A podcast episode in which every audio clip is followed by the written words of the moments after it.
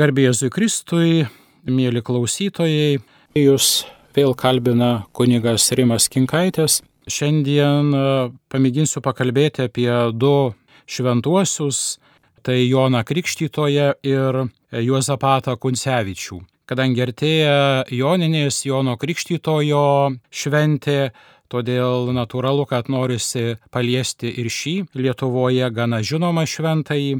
Ir galbūt tokį netikėtą šventąjį, tai yra Juozapatą Kuncevičių. Galbūt klausytojams gali kilti klausimas, kodėl Juozapatas Kuncevičius ir kodėl pabandžiau sugretinti jį su Jonu Krikštytoju.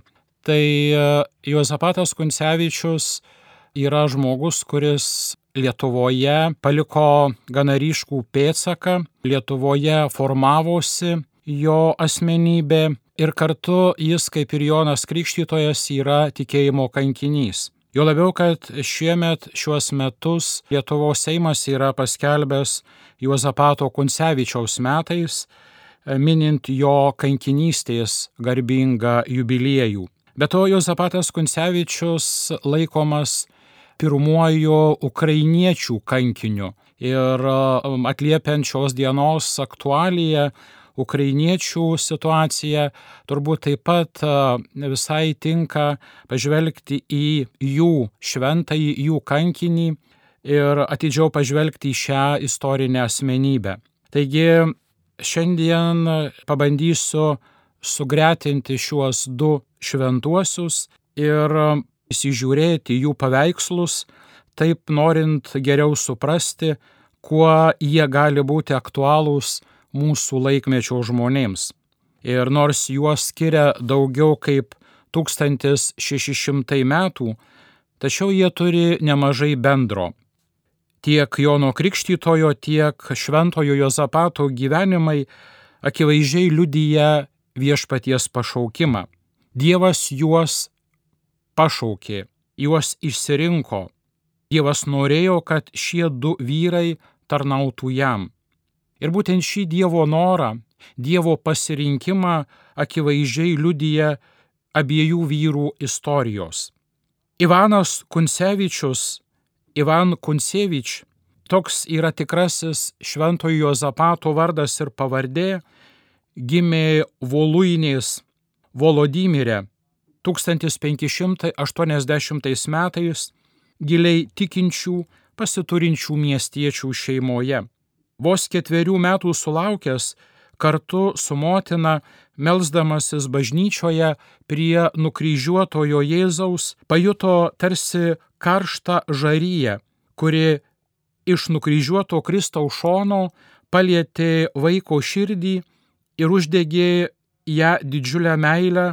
Juozapatas prisipažįsta, kad ta karšta meilė žaryje sužadino jame norą padaryti viską, kad kai užauks, niekas nebeskaudintų Jėzaus. Jozapatas savo mamai prisipažino, kad nori padaryti viską, kad niekas daugiau neskaudintų Jėzaus. Taigi, dar būdamas vaikas, Ivanas turi unikalią, nepaaiškinamą Dievo patirtį. Dievas jį dar visiškai mažą, ypatingų būdų sujaudina, užkalbina ir paveikia. Lygiai kaip ir Jona Krikštytoje, kurio motina Elsbieta susilaukia brandžiame amžiuje. Kai viešpaties angelas aplanko Jono tėvą Zakariją ir praneša, kad jis susilauks berniuko, Zakarijas negali patikėti. Tačiau angelas jam paaiškina, iš pat motinos įščių jis bus kupinas šventosios dvasios ir daugybę Izraelio sūnų atversi viešpatį jų dievą. Su Elijo dvasia ir galybė jis žengs pirmą viešpaties, kreipdamas tėvų širdis į vaikus ir įkvėpdamas neklusniems teisiųjų nusiteikimą, kad prirenktų viešpačiui tobulą tautą.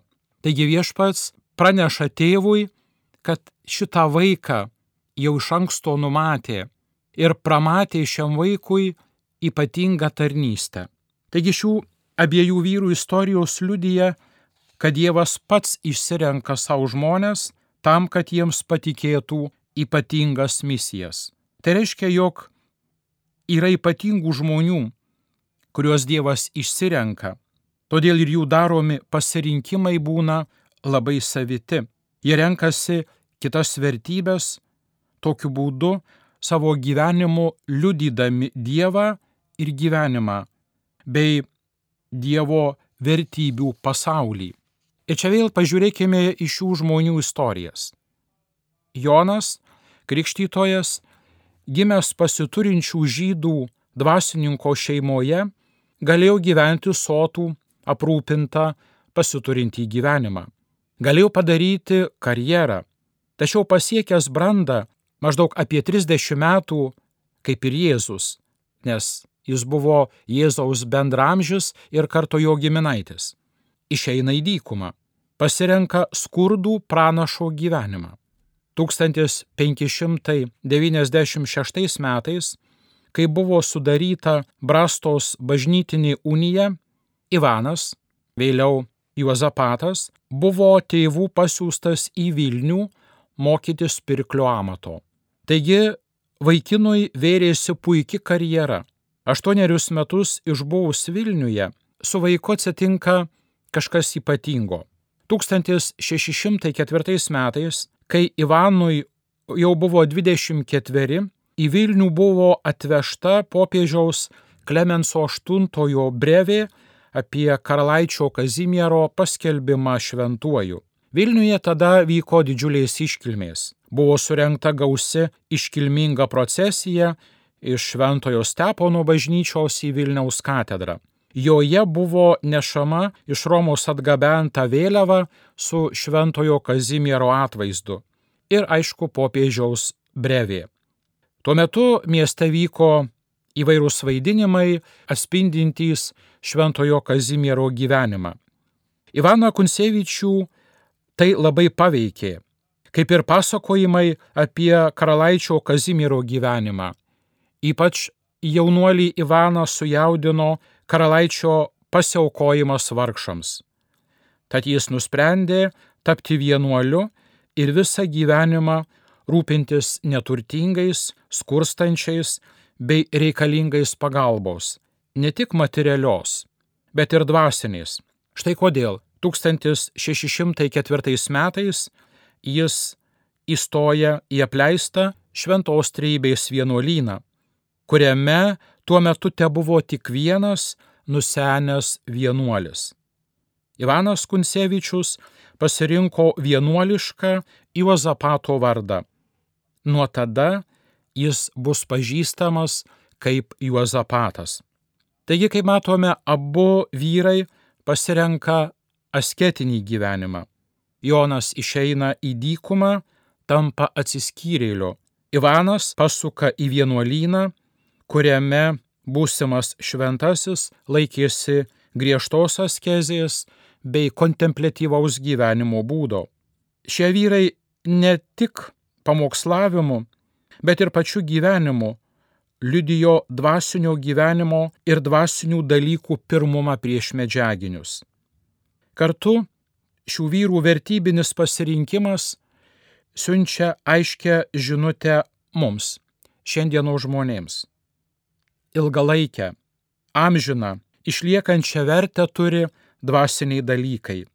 Medžiaginių dalykų vertė trumpalaikė, jį fragmentiška. Todėl verta rinktis tai, kas vertingiausia, kas turi išliekamąją vertę, kas iš tikrųjų žmogų daro laimingu ilgalaikėje perspektyvoje.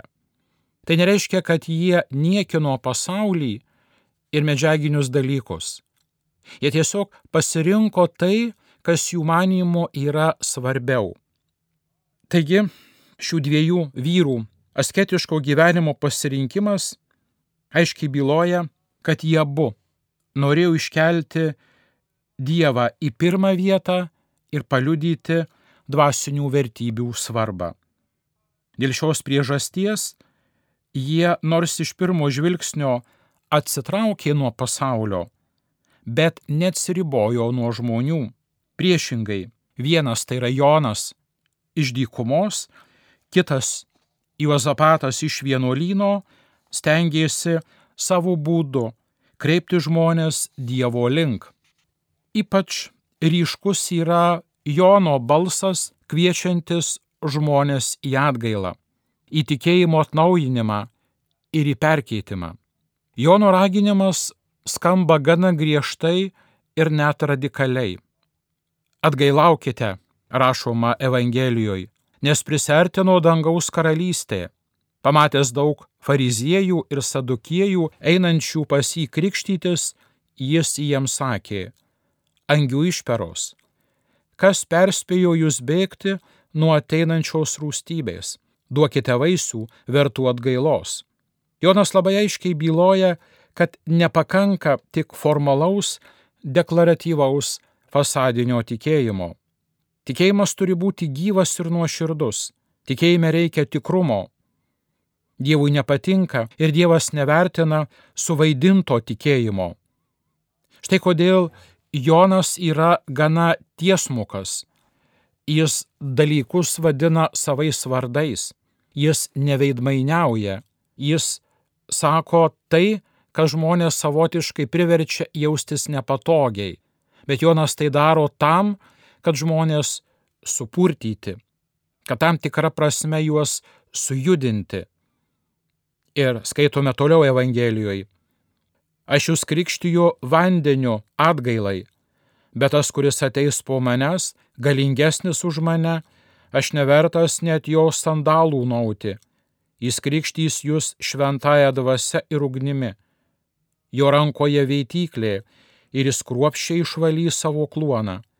Kviečių surinks į klėtį, o pelus sudegins neužgesinama ugnimi.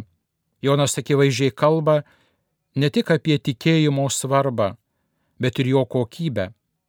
Leisdama suprasti, kad tik kokybiškas ir brandus santykis su Dievu daro reikšmingą įtaką žmogaus gyvenimui tiek šiame, tiek pomirtinėme pasaulyje.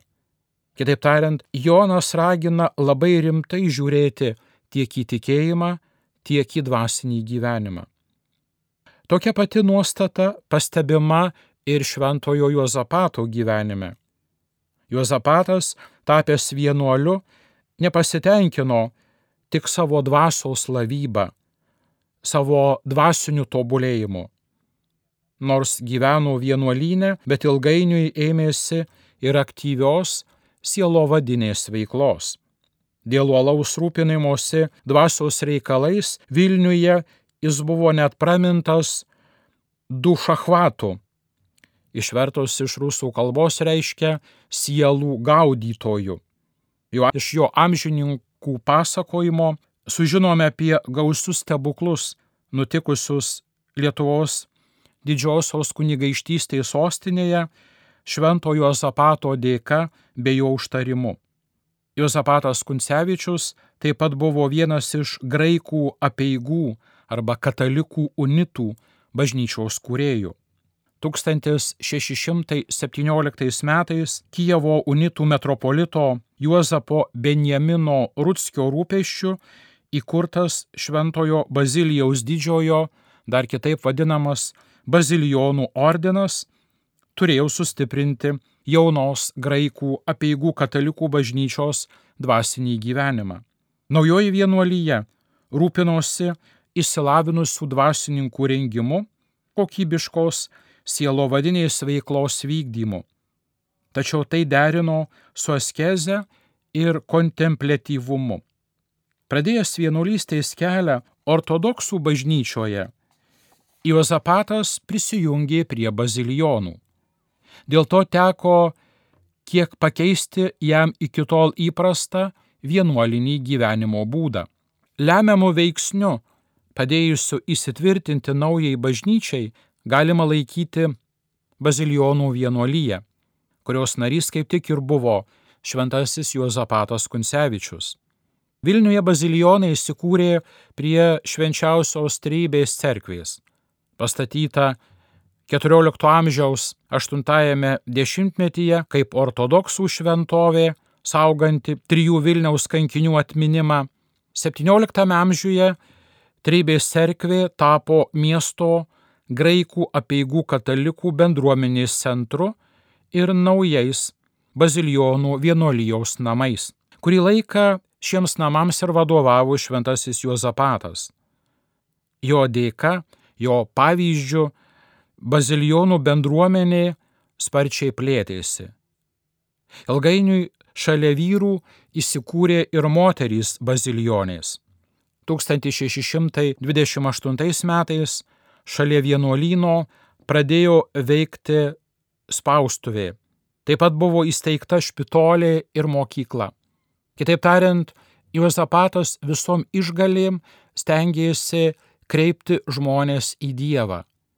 Tiek savo mokymu, tiek savo praktinę veiklą. Taigi tiek Jonas, tiek Juozapatas nesistengė sureikšminti save ar atkreipti žmonių dėmesį į save, bet tiek skelbimu, tiek visų gyvenimu stengiasi žmonės kreipti Dievo link bei padėti žmonėms geriau pažinti Dievą. Tai ypač liudyja ypač ryškus vienas Jono gyvenimo epizodas. Jonas sakė, cituoju, Aš krikštiju vandeniu, bet tarp jūsų stovi tas, kurio jūs nepažįstate. Jis yra tas, kuris po manęs ateina, kuris pirmesnis už mane. Aš jam nevertas atrišti sandalų dirželio. Kita diena Jonas matydamas pas jį ateinantį Jėzų prabilo. Štai Dievo avinėlis, kuris naikina pasaulio nuodėmę. Jonas paliudėjo sakydamas, Aš mačiau dvasę lyg balandį nusileidžiančią iš dangaus ir ji pasiliko ant jo. Aš jo nepažinojau, bet tas, kuris mane siuntė krikštyti vandeniu, man pasakė, ant ko pamatysi nusileidžiančią ir pasiliekančią dvasę, tas bus, kuris krikšty šventąją dvasę. Ir aš mačiau ir liudiju, kad šitas yra Dievo sūnus. Kita diena vėl stovėjo Jonas ir du jo mokiniai. Išvykęs ateinantį Jėzų, jis tarė, štai Dievo avinėlis. Šis epizodas liudyja, kaip svarbu, kad žmogaus gyvenime būtų kas nors, kas nukreipia žmogų į Dievą, kas supažindina su Dievu, palydi jo link. Kitaip tariant, šiandienę kalbą šnekant labai svarbu, kad mūsų tarpe būtų Dievo ekspertų, tų, kurie gerai žino apie jį ir kreipia jo link. Dievas visada yra šalia, bet reikia, kad kažkas mums padėtų jį atrasti. Dar vienas Jono bruožas, kurį norisi priminti ir kuris gali būti aktualus šiandien. Kai kas iš žmonių klausė Joną, ar kartais jis nemesijas, Jonas aiškiai sakė, ne, aš ne mesijas, aš tik pranašas, tik žmogus. Kitaip tariant, Jonas nesiekė pasinaudoti dėkingą, palankę situaciją ir išpopuliarėti. Jonas nesiekė pigaus populiarumo. Jonas nesivadovavo populiarumo ir reitingų kriterijais. Jonas žinojo savo vietą. Jis žinojo savo misiją ir žinojo savo padėtį. Ir būtent Dievas arba gilus Dievo pažinimas padėjo jam rasti savo vietą gyvenime. Ir teisingai, prasmingai ir vaisingai atlikti jam patikėtą misiją. Be to Jonas nors skelbė ateisiantį gelbėtoją, nors žmonėms parodė Jėzų kaip Dievo avinėlį, tačiau kartu pripažino, kad jo turimas tikėjimo lygmuo yra gana ribotas. Matydamas, kaip jo skelbtas ir parodytas gelbėtojas Jėzus elgesi ir veikia, Jonas suabejoja. Kodėl? Todėl, kad Jėzus pranoksta Jono turėtą Dievo pažinimą ir suvokimą. Joną apninka bejonės. Ir tada jau būdamas kalėjime, jis siunčia pasiuntinius pas Jėzų išsiaiškinti, ar tu esi tas, kuris turi ateiti, ar mums laukti kito. Net kalėjime būnant, Jonui buvo svarbu žinoti tiesą, jam buvo svarbu išsiaiškinti, ar jis nedaro klaidos, ar žmonėms teisingai nurodė gelbėtoje. Jam buvo svarbu, pačiam pažinti tiesą ir kartu būti tikru, kad jis neklaidina žmonių. Taigi matome Joną kaip aistringą tiesos ieškotoją ir kartu jos kelbėją ir gynėją.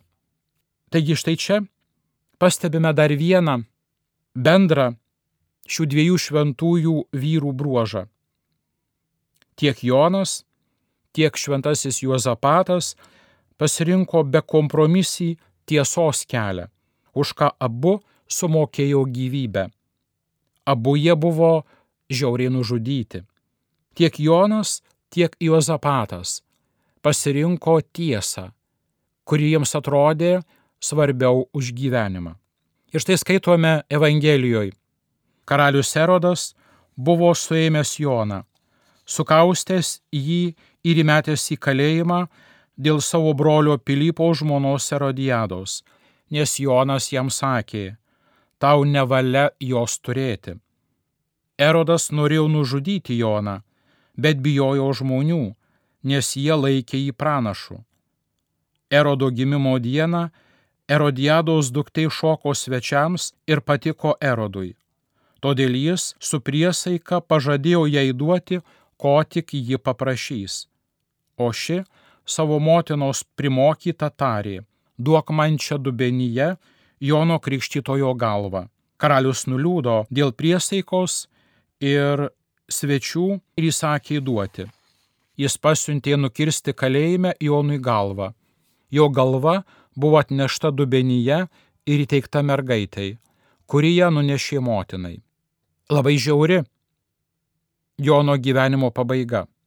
Tačiau Jonas, kaip matome, nepabijojo aiškiai vardinti, kas Dievo akise yra nuodėmė ir blogis.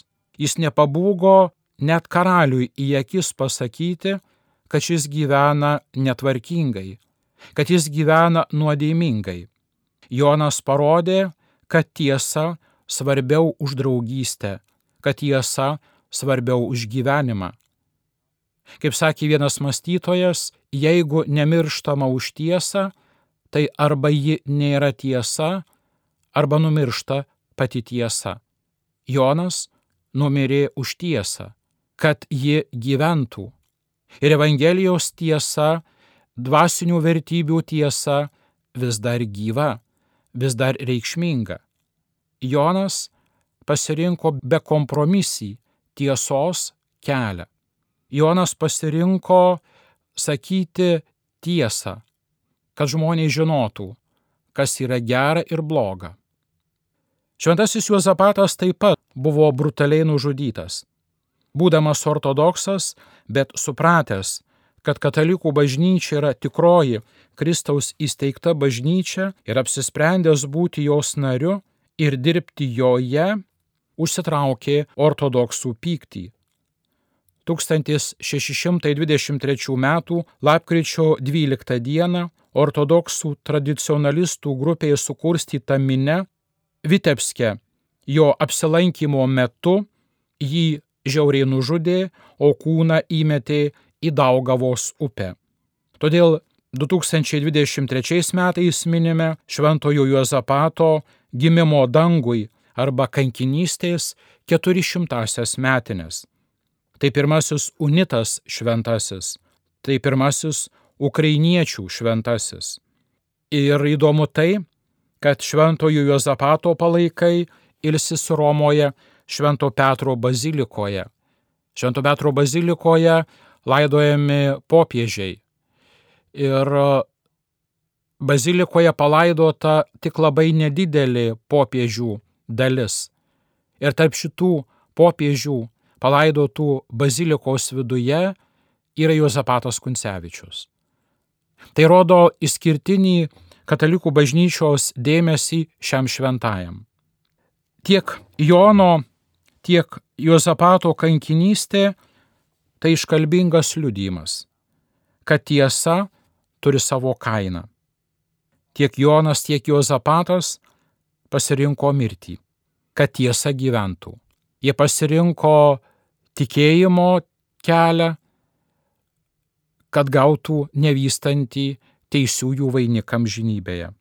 Taigi tiek Jonas Krikštytojas, tiek Juozapatas buvo labai įvairiapusės asmenybės.